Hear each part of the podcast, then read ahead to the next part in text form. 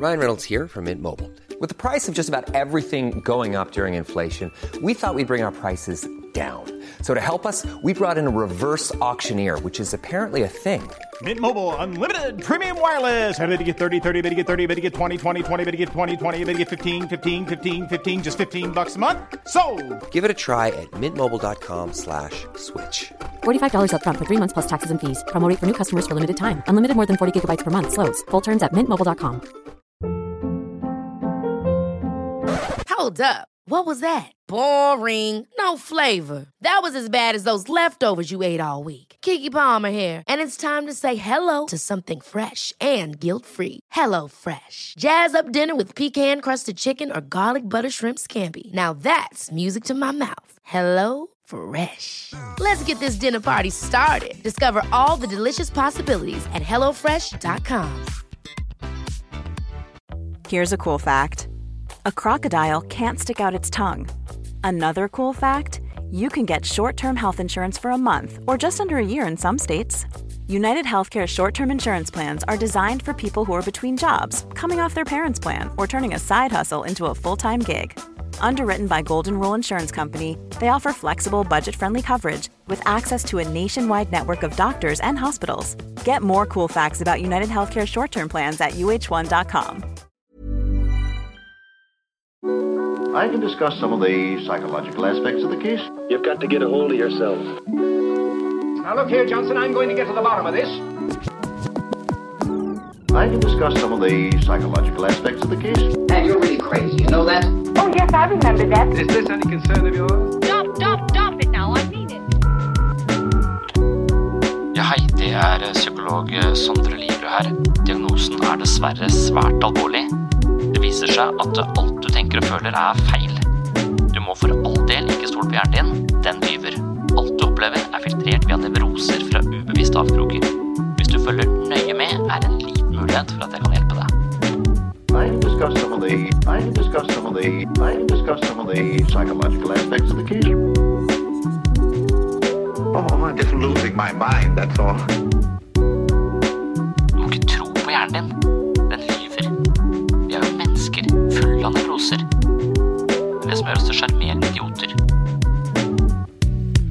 Naturen finnes et godt eh, forbilde i såkalte ikke-newtonske væsker. Disse væskene er både harde og myke på en og samme tid. Når du behandler dem varsomt, er de fleksible og føyelige. Når du behandler dem røft, blir de faste og solide. Det er en beskaffenhet som vi mennesker burde etterstrebe, myk hvis mulig, hard om nødvendig. Men dette er ikke lett. Noen mennesker har blitt så skuffa så mange ganger at de har forskansa seg bak en tykk mur av mistillit. Vi kan kalle det for et panserhjerte. Man har gjort seg hard som stein, og ingen skal få se at man trenger noe fra noen. Man er tilsynelatende selvforsynt, hard og utilgjengelig. Men bak muren er man ekstremt sårbar, og det er jo nettopp derfor man trenger en mur. Det er som huden under gips. Når man har hatt gips på over lengre tid, er huden under svært sår, tynn og følsom. Et panserhjerte beskytter seg selv, men det er også ensomt, og selv om det virker hardt, kan det knekke og falle i bakken. Allerede 500 år før Kristus kommenterte den greske forfatteren Esop at det myke sivet er sterkere enn det harde oliventreet. Sivet bøyer seg med vinden og svaier tilbake i sin opprinnelige posisjon. Oliventreet blir stående urørlig til det knekker og faller mot bakken. På forhånd er det umulig å gjette at det føyelige sivet er bedre rustet til å takle stormen enn det urokkelige treet. En person som gjemmer seg bak en tykk mur av ironi, sarkasme, muskler, bastante meninger, raseri, humor, angrep eller hva man har valgt som byggeklosser i sin borg, er som et oliventre. Tilsynelatende sterk, men står også i fare for å falle i bakken. Og når en person som tviholder på en ugjennomtrengelig fasade møter nok motstand, vil symptomene ofte dukke opp som kroppslig smerte, søvnløshet og panikkanfall, for å nevne noen. På den andre siden har man personer hvor forsvaret har brutt helt sammen, man føler seg hudløs og uten skall. Når det beskyttende laget mellom oss selv og omgivelsene er så flortynt at det kjennes ut som om alt slipper gjennom, som om huden er flerret vekk fra kroppen og nervetrådene er eksponert for omgivelsene, en tannrot uten emalje. Dette er følelsen av hudløshet, som kan oppstå når det psykologiske immunforsvaret svikter. Verden er påtrengende for den som er hudløs. Omgivelsene presser seg på og trenger seg inn. Grensene mellom det indre og det ytre viskes ut, og det blir vanskelig å skjelne mellom egne og andres følelser.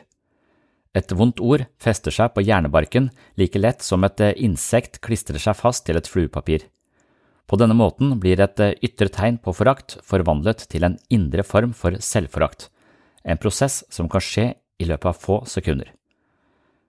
Dette her er noe som Eirik Hørte har skrevet i en artikkel på psykologisk.no, og det er altså store problemer i skyggen av både et panserhjerte og en hudløs person, og vi trenger å finne en måte å beskytte oss på som er tilpassa, noe som altså reflekterer egenskapene til den såkalte ikke-newtonske væsken.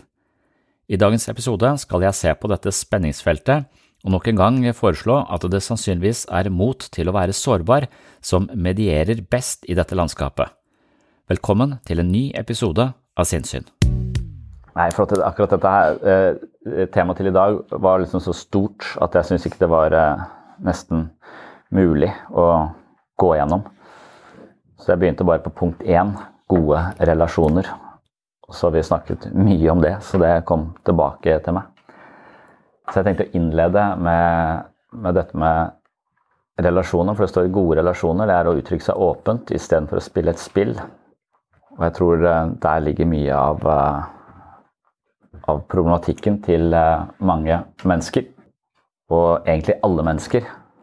For det å virkelig ha en nær og åpen eh, relasjon hvor vi føler oss eh, trygge, det tror jeg er ikke umiddelbart så lett da, for oss. Vi har en del behov osv. som vi ikke alltid får dekt, og så, og så går vi inn i Eh, relasjoner med en slags underliggende behov for å få det dekt, eller at andre skal like oss osv., så, videre, så så gjør vi det vi tror skal til for at det andre skal like oss. Og da går det ofte på å ikke være den vi egentlig er, men å finne en eller annen eh, posisjon eller en eller annen måte å være på som, eh, som vi tror skal tilfredsstille den andre. Og da er vi inne ved å spille et spill. Så vi relaterer oss ikke på en sånn eh, genuin måte. Vi, vi, er ute etter å stage en eller annen eh, relasjon og oppføre oss på en bestemt måte. Og det tror jeg er liksom hovedtingen i all, eh, all helse, vi, eller all psykisk helse, er at hvis vi har følt oss trygge og hatt muligheten til å uttrykke oss fritt, så vil vi være ganske robuste som mennesker også i voksen alder. Det er noe vi kan ta med oss. Men hvis vi har opplevd svik, krenkelser, å bli overkjørt, overstyrt, sett ned på, fått for mye ansvar, ikke bli tatt vare på Det er utrolig mange ting som kan eh, svikte i relasjonen til den andre. Og det vil eh, utløse behovet for å beskytte seg. Og det beskyttelsesbehovet, det kan eh, utdate seg på en sånn måte at vi vi overlever. Men det kan også på sikt sørge for at vi ikke egentlig får nære relasjoner til andre, andre, mennesker. Vi kan ha mange mennesker rundt oss, men så lenge vi alltid spiller et eller annet spill, eller er redd for at de ikke skal like oss og prøver å score sosiale poeng og sånn, så har det blitt en transaksjon. Jeg er ute etter å få et eller annet i dette. Eh, I denne relasjonen, så relasjonen blir gjort om til en form for transaksjon. Og så var det to, um, det var to posisjoner som jeg bare ville innlede med, som jeg syns uh, ga liksom sånn mening i mitt hode, og som jeg tenkte en del på. Og det, det var forholdet mellom å, et panserhjerte og det å være hudløs. For det var to ting som jeg, som, som jeg tenker er en slags eh, Ja, egentlig så kommer det fra utryggheten. Jeg har behov for å beskytte meg. Og hvis det behovet har vært veldig sterkt, så har man eh, av og til måttet bure seg helt inne i seg selv og ikke gi noen tilgang i frykt, eller for å beskytte seg mot å bli såra. Så jeg har hatt en historie på det jeg husker fra disse negative levereglene, hvor det var en liten en gutt som husker det momentet hvor han ble til en stein, sier han. Og det var når han eh, hadde gleda seg til å gå på startkamp eller et eller annet på stadion her. Han var Start-supporter, og han hadde en eldre bror. Og de skulle uh, gå med faren på denne startkampen. Han har jo et kronglete forhold til, til, faren, og moren er sånn passiv og ikke egentlig helt til stede. Men nå skulle han i hvert fall på startkamp glede seg til det. Lørdagen kommer, han står liksom klar ved døra, har på seg sånn skjerf og, og gleder seg. Og så kommer faren ned trappa og så sier at broren din har blitt sjuk, og jeg gidder ikke å gå med bare deg.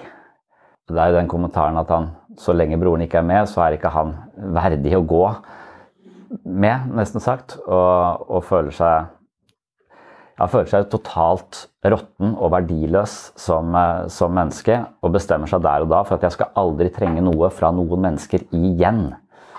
Så han lukker seg inne, og han blir til stein. Og det var eh, der han også da var, ble utilgjengelig for andre mennesker. Og det er der uttrykket 'panserhjerte' kommer fra. da. Og panserhjerte det er jo egentlig å forskanse seg da i seg selv, men det er også en, en tilstand hvor hjerteposen er så utsatt for skade og betennelse at det vevet herdes og blir dekket med arr. Så panserhjerte er også en, en fysisk eh, ting, da, hvor hjerteposen altså blir utsatt for så mye, mye arr. Men eh, her snakker vi om det metaforiske hjertet, eh, hvor vi utsettes for så mange skuffelser at vi blir tvunget til å forskanse oss bak tykke murer. Og litt som pinnsvinet som bare har ute disse, disse piggene sine når det ruller seg sammen til en ball. Og skuffelser, Gjentatte skuffelser gjør nok det med oss. Og når vi da tenker at den beskyttelsen må være oppe for å unngå denne følelsesmessige si, smerten som det er å bli, bli skuffa, så burer vi oss inne i oss selv. Og når Nietzsche skriver om dette fra livets krigsskole, så skriver han jo det som ikke dreper meg, gjør meg sterkere. Det er kritisert fra psykologisk hold fordi det er ikke sannsynlig at vi blir spesielt mye sterkere av å utsettes for mye faenskap, men at vi blir hardere, kan godt være sant. Så det som ikke dreper, gjør deg ofte hardere. Akkurat som huden under beina, liksom. At du får hard hud. Og, og da er det ikke sikkert noe trenger, trenger igjennom. Så det kan være at den feiloppfatningen til, til Nietzsche er, er, noe vi kan tilgi han, fordi eh, vi har det nok med å forveksle det harde med det sterke. Så det vi ser på som hardt, det kan vi også, også ofte se på som sterkt. Så, så, det harde er dødt og ubevegelig, mens eh, det som er litt mykere, er jo da mer fleksibelt og levende. Og det er nok det å da våge å føle, våge å ta ting innover seg, og ikke være en stein som er veien ut for et, en personlighet eh, som har en slags panserhjertesyndrom. Og et bilde som brukes der som jeg syns var eh, kanskje litt sånn klisjéaktig, men det, det, jeg liker å tenke i bilder, så derfor så gir det meg en, eh, det er noe jeg kan henge det på. Og bildet jeg fikk, var fra Esops fabler, hvor Esop, det kommer frem at det, eller en refleksjon rundt eh, sivet og oliventreet. Og oliventreet, som er ganske sånn tykt og hardt, det ser umiddelbart sterkere ut enn sivet. Men hvis du blåser hardt nok på oliventreet, så brekker det. Mens eh, sivet kan du blåse så hardt du vil på. Det bøyer seg, men det retter seg veldig eh, raskt opp igjen. Så konklusjonen er at sivet er sterkere enn oliventreet. Men oliventreet er hardere enn sivet. Og jeg tror det er et bilde på å være menneske. At, tre, altså at hardhet er ikke styrke nødvendigvis. For det harde hjertet, det er et ensomt hjerte. Og, det merker jeg ofte i det er liksom, Nå kommer jeg rett fra uh, gruppeterapi, og det er en del av uh, problematikken som jeg syns er noe av det vanskeligste. Er å trenge gjennom til et, uh, et panserhjerte. Kanskje litt fordi jeg kjenner meg mer igjen i panserhjertet enn det motsatte, som er å være hudløs.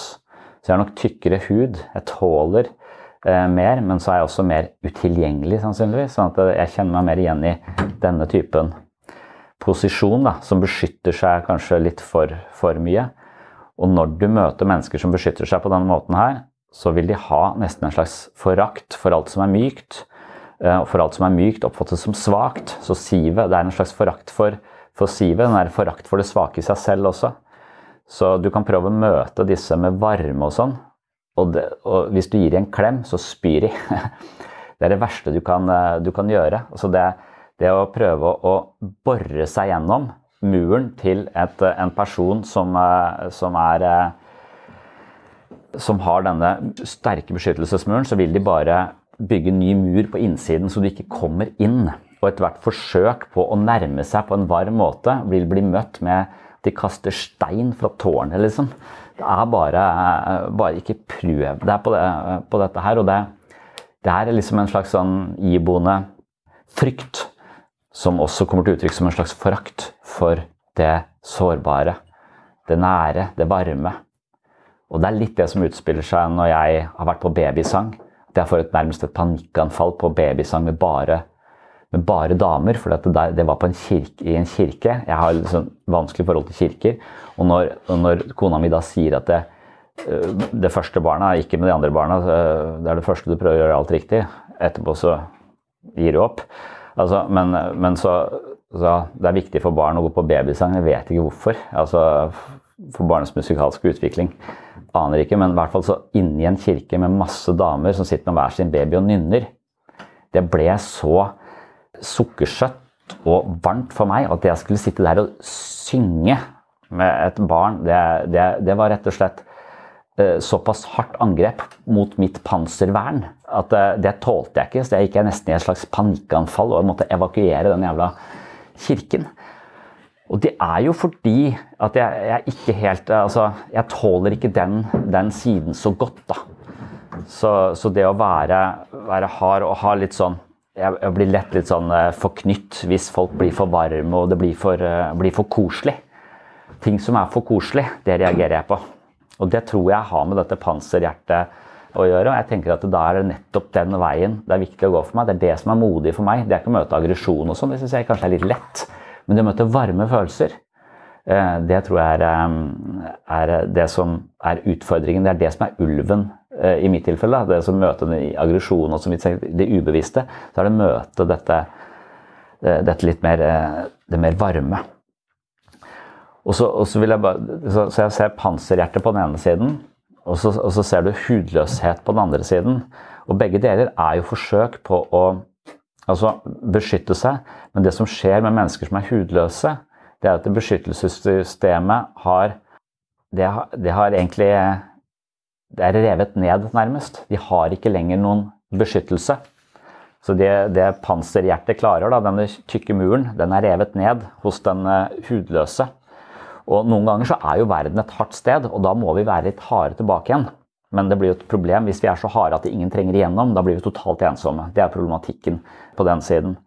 På den andre siden, hvor du ikke har noe beskyttelse, så, så tror jeg at livet oppleves um, veldig hardt. Altså Hudløs, sier de. Uh, så alt slår veldig hardt innover deg. Så det der beskyttende laget mellom meg og den ytre verden er syltynt. På, på en måte Alt slipper igjennom. Det er ingenting som som filtreres ut. Så, så, det er liksom nesten som du kan se for deg at det, det, er mennesker som har nervene på utsiden. Det er nesten som en sånn eh, tannrot uten emalje. Altså det er bare, det er bare eh, smerte. Og I Kompani Lauritzen tropp 1, som jeg har sett på med dattera mi, så føler jeg at hun som røyket først kan nesten si at jeg syns huden hennes rent fysisk også så ganske sånn tynn ut. Og jeg vet at det er en metafor å være hudløs eller, eller tynn, men det var som hun jeg så for meg at når hun hoppa ned i isvann, så opplevde hun at det var minus 30 grader. Vann kan jo ikke bli minus 30 grader. Mens de andre opplevde at jeg tror ting slo hardere inn hos henne. At smerten var høyere på en eller annen måte. Det er vel det vi kanskje kaller hypersensitiv. da. Og Problemet her er jo at når du er så hudløs, så vil verden presse seg på, trenge seg inn, og grensen mellom det som er deg på innsiden og den ytre verden, blir uklar. Så, så, du kan på en måte få et kritisk blikk. Og det kritiske blikket det blir til selvforakt i løpet av et sekund. Det blir ikke noe forskjell på den ytre og den indre verden. Du er eh, kritisk til meg, men jeg er ikke enig med deg. For her stopper det Nå mener jeg ikke at du er det, men, hvis du hadde vært det, så, så, så, så har jeg, et, jeg har et, et, tjukt filter som filtrerer via hvor sant dette er, sånn at det ikke slår rett inn i meg og blir meg, på en måte. Så uten dette, dette tykke laget Uten denne beskyttelsen så du, har du kanskje en følelse av å være under konstant angrep. Og strategien da, når du ikke har skallet ditt, ikke har piggene, det er å bli diffus og unnselig.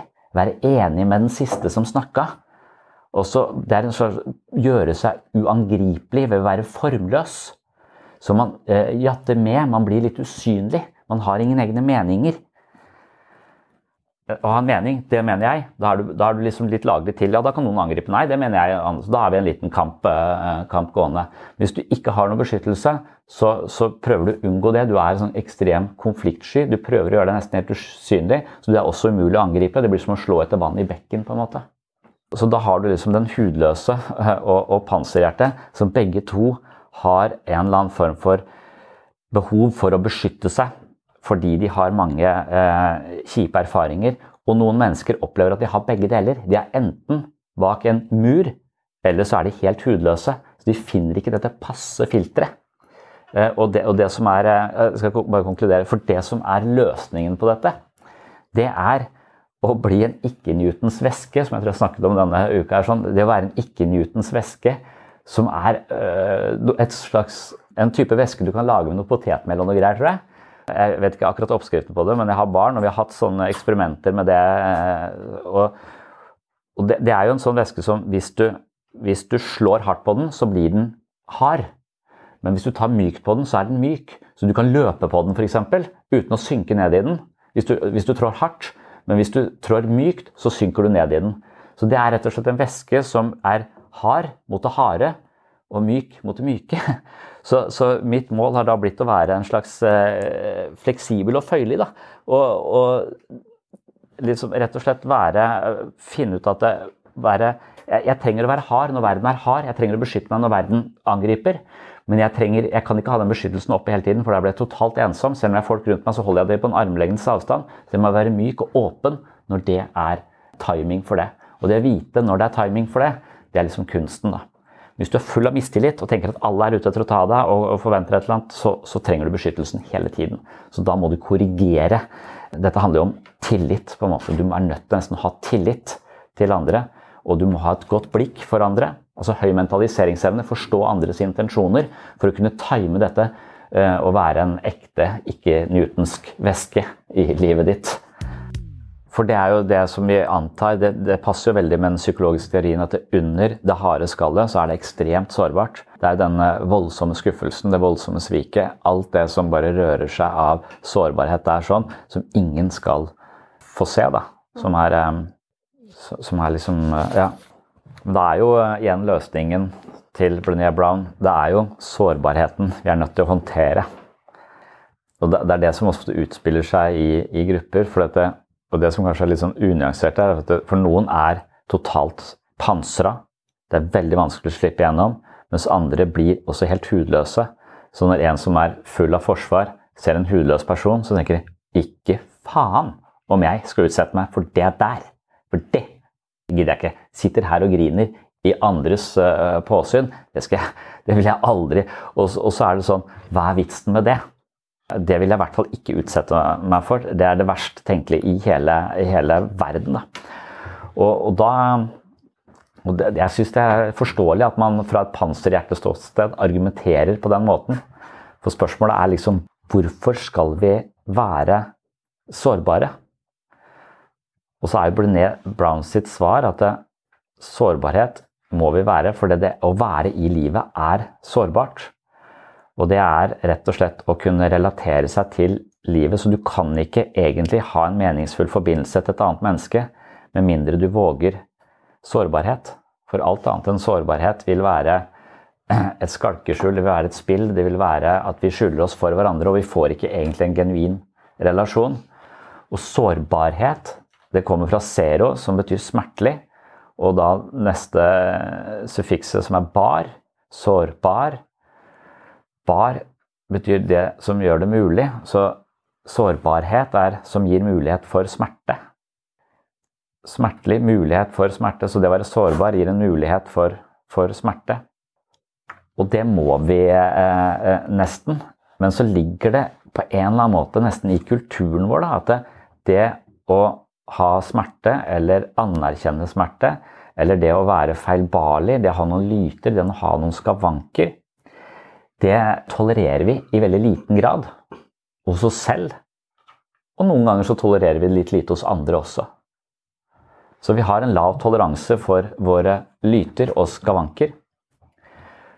Og derfor så prøver vi å skjule de, selv om vi vet allerede fra Aristoteles 2500 år siden at eh, Aristoteles han, han skrev noe sånt som at eh, vi liker de som ikke gir seg ut for å være annerledes enn de er.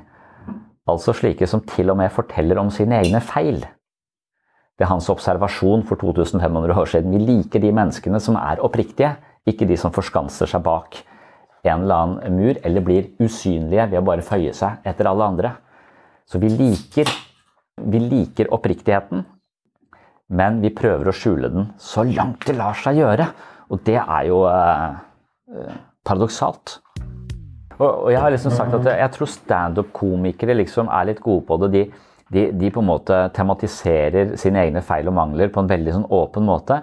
Men kanskje som et panser der òg. For det, det, det, virker jo ikke sårbart. De er jo ikke sårbare når de gjør det. De har full kontroll på den eh, ramma de setter, eller den fasaden de, de, viser.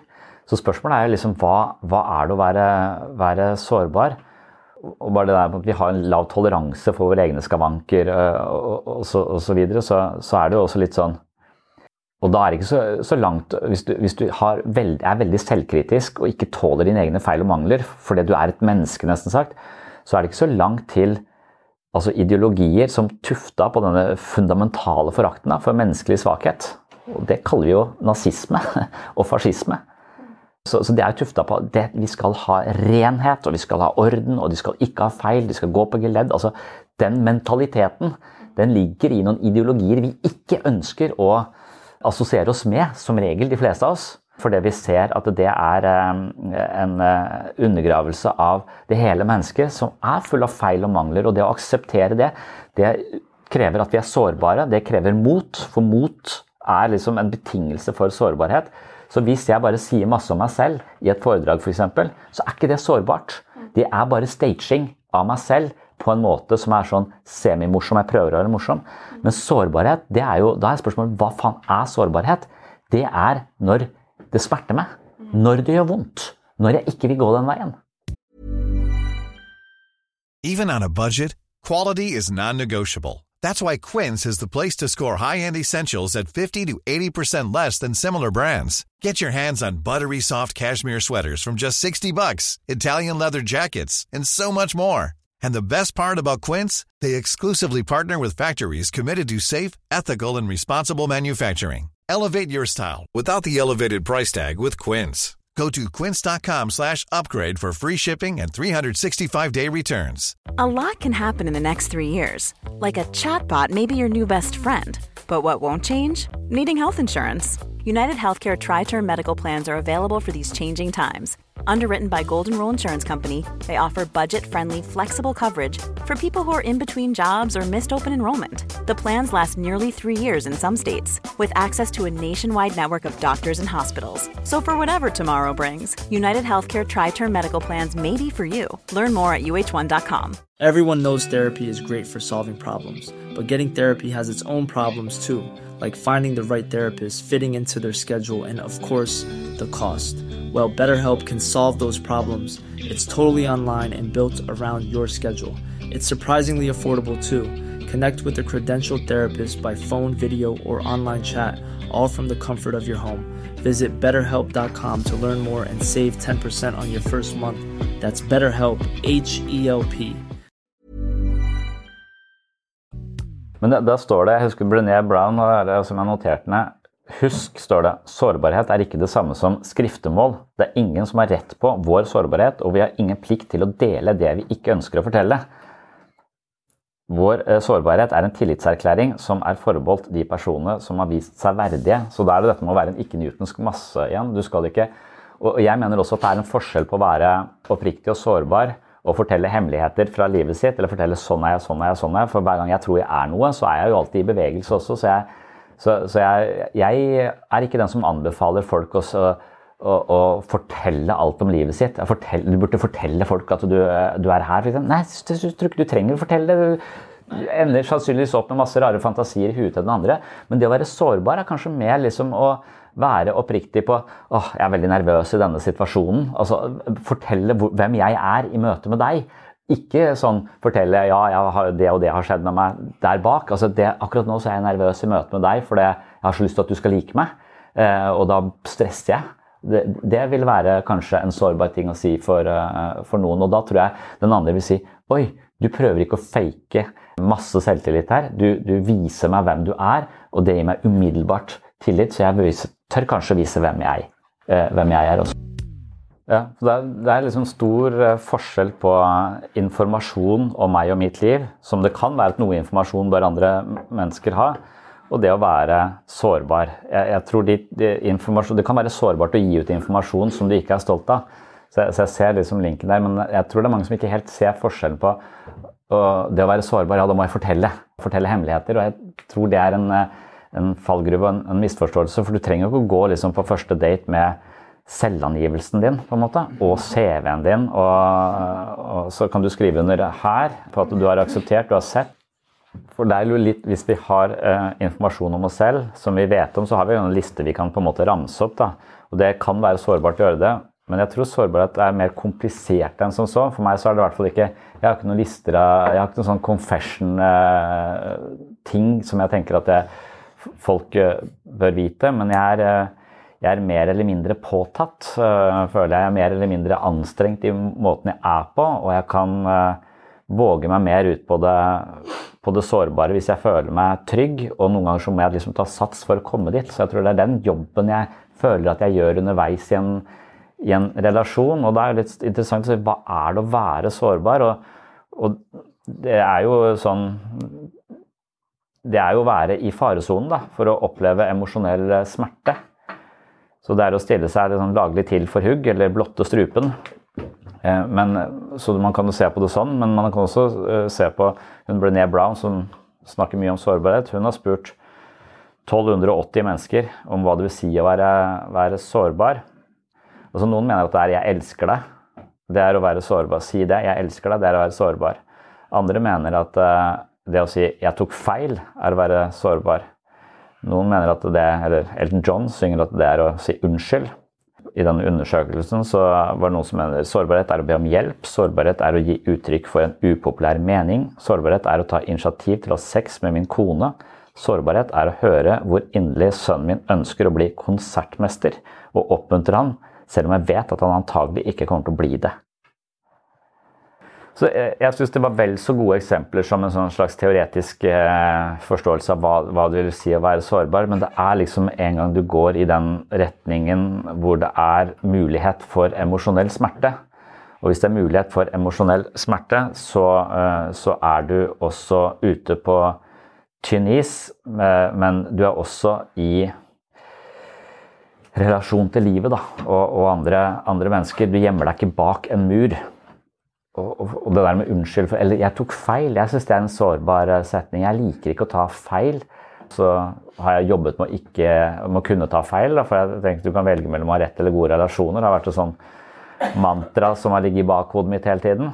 Og, og så da er det jo Nå syns jeg ikke det er så vanskelig å ta feil med, med folk flest, men jeg syns det er vanskelig å ta feil en diskusjon med broren min om, som, hvor vi har hundrevis av konflikter bak oss og det å miste ansikt der, stå på sitt fant det tidlig på morgen dagen etter, og ingen har fått sove fordi vi skriker så fælt, liksom. Altså, der skal vi ha rett uansett. Så det vil være ekstremt sårbart for meg å si jeg, vet du, Der tror jeg du har et bedre argument. Jeg tror jeg tok feil. Det er som å miste ansiktet. Det ligger så jævlig langt inne. Og så prøvde jeg det på et eller annet eh, tidspunkt, eller han prøvde det. Og så så vi at vi, vi kom i seng klokka 11. Eh, på en god tone istedenfor å sitte oppe og krangle hele natta. Så, så, så, det er et eller annet med at det jeg sier ja, vet du hva, jeg, ja, kanskje jeg tok feil. Og i det, da, da, ville min fantasi være at han skulle hovere over det og tråkke på det. For det er det her tillit kommer inn. Og Hvis han hadde gjort det, så hadde jeg sikkert aldri sagt det igjen. Men han gjorde jo ikke det. Han sa ja, jeg tror jeg tok litt feil, jeg òg.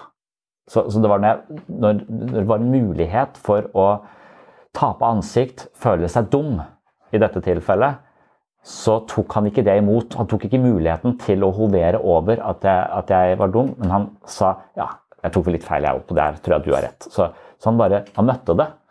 Og så fant vi ut at faen, det er mulig å deeskalere disse konfliktene våre ved å være mer oppriktig og ikke Men mennesker som står hverandre så nær, så er det så mye i den kampen. Det er så mye i den meningsutvekslingen som kommer fra uh, 'mamma var mer glad i deg enn i meg', eller Det ligger så masse sånne ubevisste lag der nede. Så, sårbar, så, det, så trivielle ting kan virke sårbart i nære uh, relasjoner ofte. Og det å se litt uh, ned i de kan også kanskje hjelpe oss å komme, komme nærmere. og det Sånn, hvorfor skal vi være sårbare? Hvorfor ikke bare ha rett da, og stå på vårt og til helvete fryser til, liksom? Det, det er et eksempel hos, uh, hos, en som heter Eirik Hørte i psykologisk.no. Han skrev at det, uh, han leste en bok av en som heter Alexander Loven, som er litt spekulativ rar, men han hang seg opp i et bilde der også som jeg også syns var fint. at det, Loven hadde en sånn beskrivelse av hvordan han favoriserte det høyre øyet sitt på bekostning av det venstre. Og hvorfor det? Fordi det høyre øyet forble upåvirket av vær og vind og følelser, mens det venstre ble fylt med tårer i tide og utide. Så han hadde et venstreøye som stadig vekk øh, Han kunne begynne å grine, eller han kunne få Ja, det, det, det var fylt med tårer både når han ble følelsesmessig påvirka, men også når vær og vind blåste mot det. Og så gikk han til en optiker, og, og da eh, viste det seg at det, det er jo det høyre øyet det er noe galt med. Det er det som er upåvirket, det han ser på som det sterke øyet, som ikke begynner å grine for noen ting. Det er det som uh, trengte behandling. Det var det som var ujustert. Det var det som var uh, i fare for å slutte å fungere helt. Da, for det, det, var, uh, det, det, var, ikke tilpasningsdyktig. Så det å føle noe, det å reagere på noe, det er å tilpasse seg livet. Og det å prøve å unngå å føle noe, unngå å være sårbar, da blir du et olivente som brekker i motvind. Så det at det øyet stadig vekk blir fylt med tårer, det er sånn det skal være. Det er smertefullt å være i livet. Og hvis vi ikke anerkjenner det, så, så er vi i kamp mot livet hele tiden. Vi lister oss rundt i en sånn slags alarmberedskap. Da, beskyttelse mot å i det hele tatt tørre å, å føle noe. Men da, da, er ikke, da, er det jo ikke sårbarhet. Da er det, eh, da er det et spill. Og jeg, jeg tror det er det som kjennetegner Eh, alle de eh, vanskelige relasjonene våre er at de er preget av en eller annen form for gamification. Jeg tenkte på meg selv at ja, jeg har fått mye anerkjennelse på å være flink på skolen av mine foreldre. Det ga meg en slags verdi som menneske. Derfor har jeg brukt mye energi på å være flink. Altså, det er et spill jeg spiller for å få den anerkjennelsen jeg trenger. Og jeg fikk nok den anerkjennelsen uten å være flink også, så det er ikke det. Men, men jeg vet at jeg ble nudga i den retningen fordi det betalte seg i en form for anerkjennelse, og jeg var verdifull. Og så, det tenkte jeg, det var jo ikke så jævla dumt, egentlig. Det har jo gjort at jeg har eh, tatt meg sammen og gjort så godt jeg kan. Men så snakket jeg da med en annen som, som kanskje fikk dette på sykdom isteden. Og det var kun når jeg var syk eller hadde vondt eller hadde skavank at, at jeg fikk oppmerksomhet fra mine foreldre. Så jeg er liksom, mitt liv er betinga av at jeg har en eller annen form for sykdom. for å føle at jeg, så Da spiller du kanskje et sånt spill hvor du, hvor du opererer rundt i helsevesenet med ulike ulike smerter og lidelser som, som blir eh, håndtert av helsevesenet som en slags vikarierende omsorg, eller en sånn, en, et spill for å, for å, få den omsorgen, men som egentlig ikke er en omsorg. Det er, for det er ikke en genuin kontakt der. Det er, det er, en, det er en, transaksjon. Jeg skal reparere deg. Eh, du er, og det kan man også kanskje se i dette systemet. at det, noen går her veldig lenge, og noen ser etter hvert at de begynner å generere nye problemer, at de gjør alt om til problemer. Fordi at de vet at eh, her har jeg en relasjon, her betyr jeg noe, du betyr noe for meg, men nå er det snart slutt. Og det orker ikke jeg, så istedenfor å kjenne på den smerten av at oi, vi skal, vi skal, skilles, det å tåle den sårbarheten, så kommer det nye problemer og nye problemer og nye problemer. og nye problemer. Så spiller vi det spillet hvor, eh, hvor vi løser den personen sine problemer ad infinitum. For det er liksom sånn, Men de, er, de, får aldri den genuine, for det er en transaksjon. Det er et eller annet bindeledd der som er eh, Som en gang vi begynner å, å, spille et spill for å oppnå noe, så har relasjon, da lider relasjonen. Og jeg, leste en artikkel som jeg ikke forsto. Den handla om 'sjakk er ikke et spill', var overskriften. Og så begynte de å argumentere masse sånn teknisk for hvorfor sjakk ikke er et spill noe med noe endgame osv. osv. Jeg kunne ikke forstå den tekniske argumentasjonen. men Jeg er veldig opptatt av sjakk, men jeg kan godt forstå et argument er å si at det, er mulig å spille sjakk som om det er et spill, men da ødelegger du, eh, da ødelegger du sjakken. Og, og, og, for meg så var det Det er akkurat det jeg har gjort. Jeg spiller sjakk som om det er et spill med et mål om å vinne. Men egentlig så er jeg interessert i sjakkens vesen. Jeg er interessert i å bare være i ulike varianter. Mer som en slags vitenskap, mer som en slags ikke religion, men religion også kan, kan, du gjøre om til et spill. Og hvis du gjør om religion til et spill, så er det ikke lenger en, en tilstedeværelse i det åndelige. Det er be flest mulig ganger for å komme dit og dit. Så, så, så du kan gamification kommer inn på veldig mange områder i livet og ødelegger det. Og litt sånn så lurer jeg på om relasjoner også, at det, med en gang det kommer inn en underliggende agenda for meg i en relasjon, så har jeg gjort om relasjonen til et spill. Og da har jeg ødelagt relasjonen. Så jeg er bare sammen med den personen for at den skal like meg, eller jeg er sammen med den personen for at den har så mange eh, kontakter og så stort nettverk som jeg kunne vært interessert i. Altså, det, er godt nok at vi sikkert har sånne type, type relasjoner. Og veldig ofte så tenker vi at jeg er ikke verdt å elske, så jeg må ha noe som den andre kan bry seg om for at vi skal ha en relasjon. Jeg må enten være veldig interessant, eller jeg må være, eh, ha opplevd masse spennende. Så jeg tror jeg bare ljuger litt jeg, om alt jeg har opplevd. Eh, for å beholde denne. Eh, ikke sant? Og da, da blir det så alt sammen for å, for å, skape en relasjon. Men det er ikke sårbart. Du spiller et spill for å unngå din egen sårbarhet, og sårbarheten er jeg føler meg uinteressant. Jeg er usikker på om folk egentlig kan like meg hvis jeg bare er meg sjøl. Ja, eller kan det være et økende antall av de for, for med en gang at det ble et slags altså selvfølelsespoeng, eller, eller, det jeg trenger for å være hel av andre mennesker, den anerkjennelsen jeg har behov for, den ble digitalisert. Og når du digitaliserte den, så ble den så innmari tilgjengelig, og den ble så innmari målbar. Hvor mye folk liker meg. Det kan jeg plutselig måle på et tall, på antall.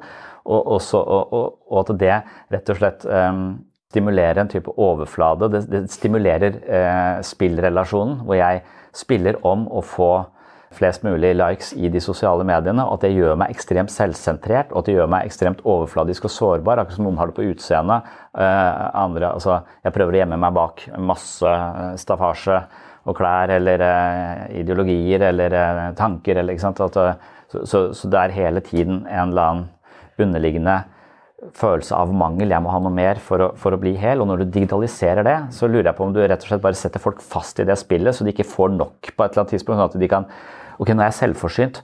Nå er jeg ikke så jævlig opptatt av at du skal like meg lenger. Nå er jeg opptatt av å like deg. Hva, hvem, hvem, er du? Og, og, og så at du kommer, men hvis du setter dem fast i et, i en sånn slags hamsterhjul hvor du hele tiden får nye og Som kun handler om overflate, så tror jeg kanskje du dyrker en form for narsissistisk livsførsel, nærmest. Og narsissistisk mentalitet. Og det er en del studier på, tror jeg nevnte her, at eh, de som legger mest ut i sosiale medier, det er også de som scorer høyest på narsissisme. Så når du driver og kommuniserer med folk i det digitale landskapet, så er sjansen for at du kommuniserer med en narsissist veldig mye høyere enn hvis du kommuniserer med folk på et foreldremøte eller på en kafé eller noe sånt. Så, så du vil ofte være i samhandling med Nei, jeg, jeg, jeg, tror at miljøet rundt vil påvirke det i veldig stor grad. Så hvis du omgås mennesker som, eh, som Eller hvis du er i grupper hvor spillet spilles, her handler det om å være mest mulig intellektuell, her handler det om å være mest mulig avantgarde. Her handler det om å Så alt, hver gang det har kommet en sånn faktor inn der som folk tilstreber og etterprøver, og egentlig da på bekostning av hvem de egentlig er, så tror jeg du er et miljø som fordrer den typen overflate og går glipp av eh, oppriktighet. Så det tror jeg kan være i sosiale medier, men jeg tror også det kan være i mange vennegjenger som er mer eller mindre bra. Jeg kan til og med kjenne på det bare som subtilt i ulike klasser. Altså når jeg, i, når jeg har et barn i første klasse, et barn i femte klasse et barn i åttende klasse, så kan foreldregruppene ha forskjellig grad av games people play. Noen foreldregrupper har noen sterke krefter som er veldig sånn Fy faen, i dag spiste jeg bamsemums uh, til lunsj. For jeg klarer ikke å forholde meg til alle disse jævla avtalene. Så, jeg fikk, uh, så den ene ungen hadde glemt matpakke. Jeg spiste bamsemums. Altså, det, det, går, det går på trynet. Når du har en når du har en uh, vennegruppe hvor, med foreldrekaffe hvor det er det første utspillet Jeg klarer faen ikke dette her, jeg. Uh, og så, så, så, så, legger du lista et helt annet sted. Så folk puster litt letta ut og sier 'Å ja, vi er ikke aleine om det'. Men så har du andre vennegrupper som sier 'Ja, så i, i går så, ja, så, var vi på, på dans, da. De skal sette opp det og det julespillet på Kilden', og, og, og, så, bare, og så begynner vi der. Ja, faen, var det julespillet? Det glemte jeg, helvete. Altså, men det sier du ikke da. for at det, så, så det, ligger, eh, det, ligger, liksom latent i en gruppe. Så jeg tror, tror, du lett kan bli drevet inn i det og, og, rett og slett bare fanges av den, eh, det behovet for å fremstå på en sånn måte. For du skjønner spillereglene, og så spiller du etter de, og så mister du deg sjøl. Du er utro mot deg selv på en eller annen måte, og det kjenner du på. Du kjenner et slags utroskap mot, uh, mot deg selv. Og så lurer Jeg på, for jeg har sagt det, men det er en upopulær mening, men, men, hvis det er sånn at det å hele tiden få likes i de sosiale mediene, kampen om den oppmerksomheten er så, eh, er så, stor, og da vil all form for sårbarhet eller oppriktighet vil jo vaskes vekk. Og hvis du bruker oppriktighet og sårbar, dette er min historie, så er det ikke for å være sårbar, det er for å få flere likes. Så det er ikke det, det, det, later som om det er en sårbar historie, men det er egentlig ikke en sårbar historie. Altså jeg synes 'Skal vi danse' er full av sånne konstruerte sårbarheter som egentlig bare er der for å vinne et spill. Og det føles for meg veldig irriterende. Noen mennesker føler ok, det der var faktisk ekte, jeg kjente det i magen. Alt annet bare ah, For noe sånn eh, staffasje. Og, og, hvis det er sånn, kan det være at vi går i en retning hvor dette blir et så desperat, dette spillet, at det, vi gjør nesten hva som helst for å få mer oppmerksomhet enn andre. F.eks. si jeg er født i feil rase. Jeg er egentlig katt. Altså, er det sant. Eller er det ba altså, altså, hvor sant er det? Hvor mange mennesker er født i feil rase? Sårbarhet for meg der vil også være å innrømme at jeg ikke er den personen som eh, hjelper folk, eller at jeg av og til hjelper folk bare fordi det er et prinsipp. Og egentlig så irriterer vedkommende meg vettet av meg. Altså, og det å være så oppriktig med seg selv og se sine mørke sider det er liksom, Hvis jeg gjør noe som er bra, og det gir meg en god, uh, god følelse, så, så, så, er jeg, liksom er jeg veldig ofte usikker på om jeg, om jeg gjør det bare for akkurat den gode følelsen av å være god, eller eh, hvor, hvor, det kommer fra. Jeg vil alltid liksom lure på hva er, hva er drivkraften i dette her. Og spesielt når, eh, når eh, impulsen om å hjelpe uteblir. Det, hva, hva, sier dette her? Og, det å integrere de sidene, de mørke sidene, den som ikke vil hjelpe, f.eks.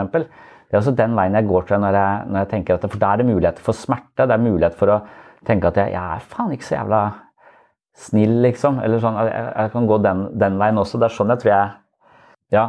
Alt, det som gir mulighet, mulighet for, for, smerte, føler jeg kanskje gjør at vi kan integrere At man kan bli litt større. Altså, prøve å lodde dypt i hva er egentlig den bakenforliggende motivasjonen. Det er der jeg tror, at målet mitt i all form for terapi er nettopp oppriktighet. Og av og til så kan du ikke være 100 oppriktig. Og det betyr ikke at jeg skal valse over å være direkte, men jeg har også lurt på nå i det siste at det rett fremhet. Jeg er høy på rett fremhet.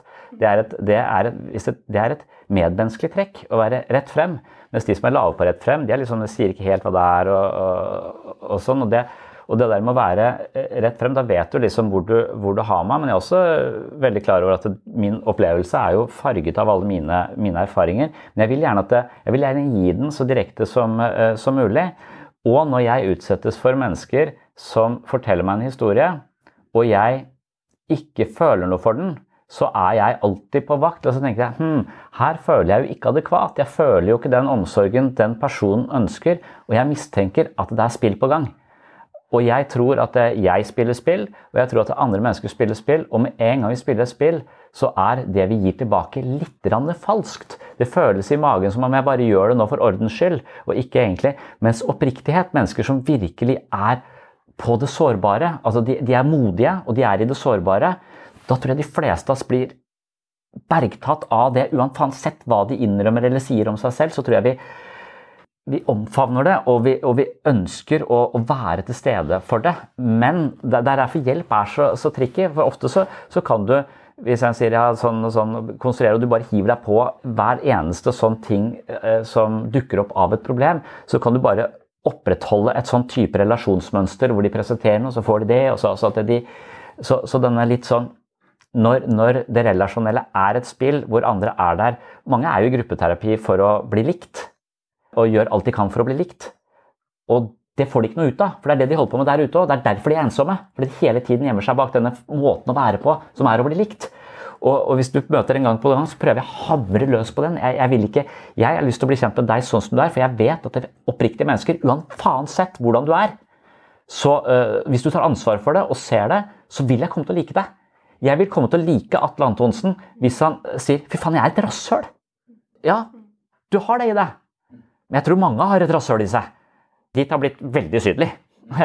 og så tror jeg du blir litt rasshøl av å få så jævla mye oppmerksomhet og tro seg ut som litt lite skam. Men uh, Ja, det, det, Jeg opplever av og til også noen mennesker som, som kommer hit, og så, så, tror jeg ikke de helt vet hvordan de kan elskes, eller om de er verdt å, å elske. Men de har en hel haug av rettssaker og kamper og urettferdig behandla, og så vil de ha meg som en slags hvit ridder på sitt lag.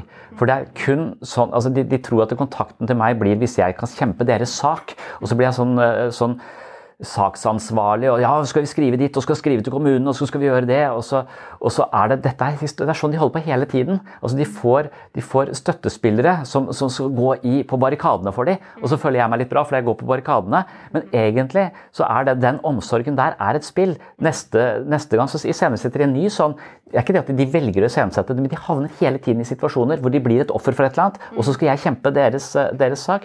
Fordi de tror ikke de er verdt å elske med mindre de er et offer. Eller, eller de, de, fortjener ikke omsorg hvis ikke de er et offer. Og der, det spillet der blir så utmattende. For på et eller annet tidspunkt så skjønner man at det, nå har vi tatt den kampen, den kampen, den kampen. Det dukker bare opp nye hele tiden. Og det tar aldri slutt. Og egentlig så får vi aldri blitt kjent med hverandre, for vi driver bare og kjemper disse ytre sakene. Og det er som om det, det er en slags sånn det er igjen, Den omsorgen tilkjempes via, via, via, via. Og da, den, da, da, blir den så Den blir ikke ekte. Det tror jeg er det man merker i magen på et eller annet tidspunkt. At når, når noen kommer og klager på et eller annet eller har et eller annet problem, og, og, og de, de, egentlig bare ønsker og, ja, hvis, de, hvis, de, ønsker noe annet enn det de viser, så tror jeg folk blir sånn ah, Hva si det det er? Selv om vi ikke vet Det er ikke sikkert vi tenker, tenker som om det også. Så når, ja. Var en som satt på kontoret mitt og sa at ja, også, jeg er så lei av folk som bare klager. og Han jobber med rusmisbrukere. Og så var det en som ja, har, jeg sovet dårlig i natt. Og det var fordi at det var sånn der, et eller annet uh, i senga som hadde to madrasser som ikke lå sammen. Så falt han ned i en sånn kløft da, midt i senga eller noe. Så ja, men du kan jo bare ta vekk den ene og snu den andre madrassen. Altså, Uh, ja, men det var, også, også, Nei, det går ikke det. Og så holdt de på lenge med den der madrassen. ikke sant, Ingen sovinga. Det er ikke madrassen. Altså, sånn, Jeg vet ikke hvordan jeg kan få en relasjon til et annet menneske som bryr seg om meg. Med mindre jeg har et eller annet problem, og i natt var det madrassen. Så kan vi gå hjem og, og så fikser vi det. Ja, snakkes vi neste uke, da. Så har vi ordna det problemet. Altså, vi ordner problemer for folk. Men det eneste vi gjør da, er, å, det er litt som en da, da, fungerer vi som et rusmiddel. Vi ga det en midlertidig følelse av å være litt eh, Ja, eller at du kutter deg i armen, og så blir du sydd sammen. Det var den omsorgen. Dagens omsorg. Nå går jeg hjem igjen, og så prøver jeg å holde på det så lenge som mulig. Men det er, det er, ikke, det er jo ikke en ekte relasjon. Det går via. Ja, altså men det er nok det at eh, de spillene vi spiller, de er jo for å få det vi trenger. Men når vi gjør det via spill, så får vi det ikke. For det skaper bare avstand. Men det er jo fordi vi ikke tør sårbarhet. For hvis jeg hadde sagt at jeg vet ikke, jeg har bare altså Hvis du hadde gått til den genuine følelsen, så, så tror jeg folk hadde, hadde hivd seg på på en, annen, på en, helt annen, måte. Men det er så sårbart, for hvis vi blir avvist på den ekte følelsen, da det er høy risiko. Da er det så mye emosjonell smerte at altså det, det, det, tror jeg vi tenker er for risikabelt, rett og slett. Så da går vi noen sånne småveier for å sjekke om det er noe å hente her og der, og så skaper det avstand. Takk for at du hørte på Sinnsyn. Det var det jeg hadde om uh, forholdet mellom et panserhjerte og det å være hudløs, og hvordan eh, mot og tillit til å våge vår egen sårbarhet sannsynligvis er en eh, svært viktig nøkkel for gode relasjoner, som igjen er en svært viktig nøkkel for å leve et godt og meningsfullt eh, liv. Hvis du ønsker mer sinnssyn hver uke, så kan du nå gå på sinnssynpluss.no og tegne et abonnement, så får du tilgang til bonusepisoder, og du får denne podkasten her uten reklame.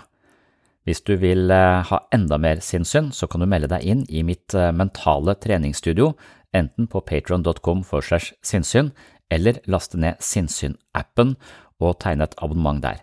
Disse to plattformene er separate, så du må velge en av de. Sinnssyn-appen er eh, det siste digitale oppholdsrommet for mitt mentale treningsstudio, og der finner du også både mentale treningsøkter, meditasjon og masse, masse ekstramateriale fra denne podkasten. Der er det også ukentlige videoforedrag om hverdagspsykologi for fagfolk og folk flest. Så da har du også flere valg. Det var det. Jeg vil si i denne omgang takk for følget og velkommen tilbake i neste episode, eller velkommen inn på mitt mentale treningsstudio, enten du da velger app-varianten eller eh, Patron-varianten, eller om du bare ønsker ekstra episoder i en egen feed, så kan du gå på sinnssynpluss.no. Takk for nå. Oh, I'm just losing my mind, that's all.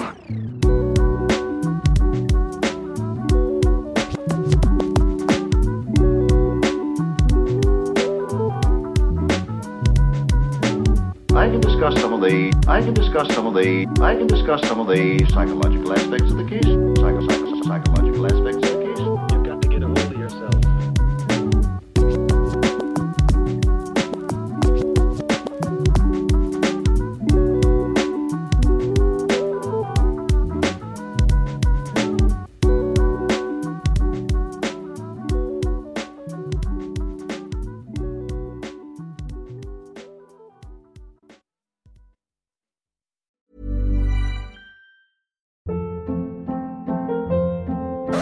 Hold up. What was that? Boring. No flavor. That was as bad as those leftovers you ate all week. Kiki Palmer here, and it's time to say hello to something fresh and guilt-free. Hello Fresh. Jazz up dinner with pecan-crusted chicken or garlic butter shrimp scampi. Now that's music to my mouth. Hello Fresh. Let's get this dinner party started. Discover all the delicious possibilities at hellofresh.com. Hey, it's Paige DeSorbo from Giggly Squad. High quality fashion without the price tag. Say hello to Quince. I'm snagging high-end essentials like cozy cashmere sweaters, sleek leather jackets, fine jewelry, and so much more. With Quince being 50 to 80% less than similar brands. And they partner with factories that prioritize safe, ethical, and responsible manufacturing. I love that. Luxury quality within reach. Go to quince.com slash style to get free shipping and 365 day returns on your next order. Quince.com slash style. Mom deserves the best, and there's no better place to shop for Mother's Day than Whole Foods Market. They're your destination for unbeatable savings, from premium gifts to show-stopping flowers and irresistible desserts. Start by saving 33% with Prime on all body care and candles. Then get a 15-stem bunch of tulips for just $9.99 each with Prime. Round out Mom's menu with festive rosé, irresistible berry chantilly cake, and more special treats. Come celebrate Mother's Day at Whole Foods Market.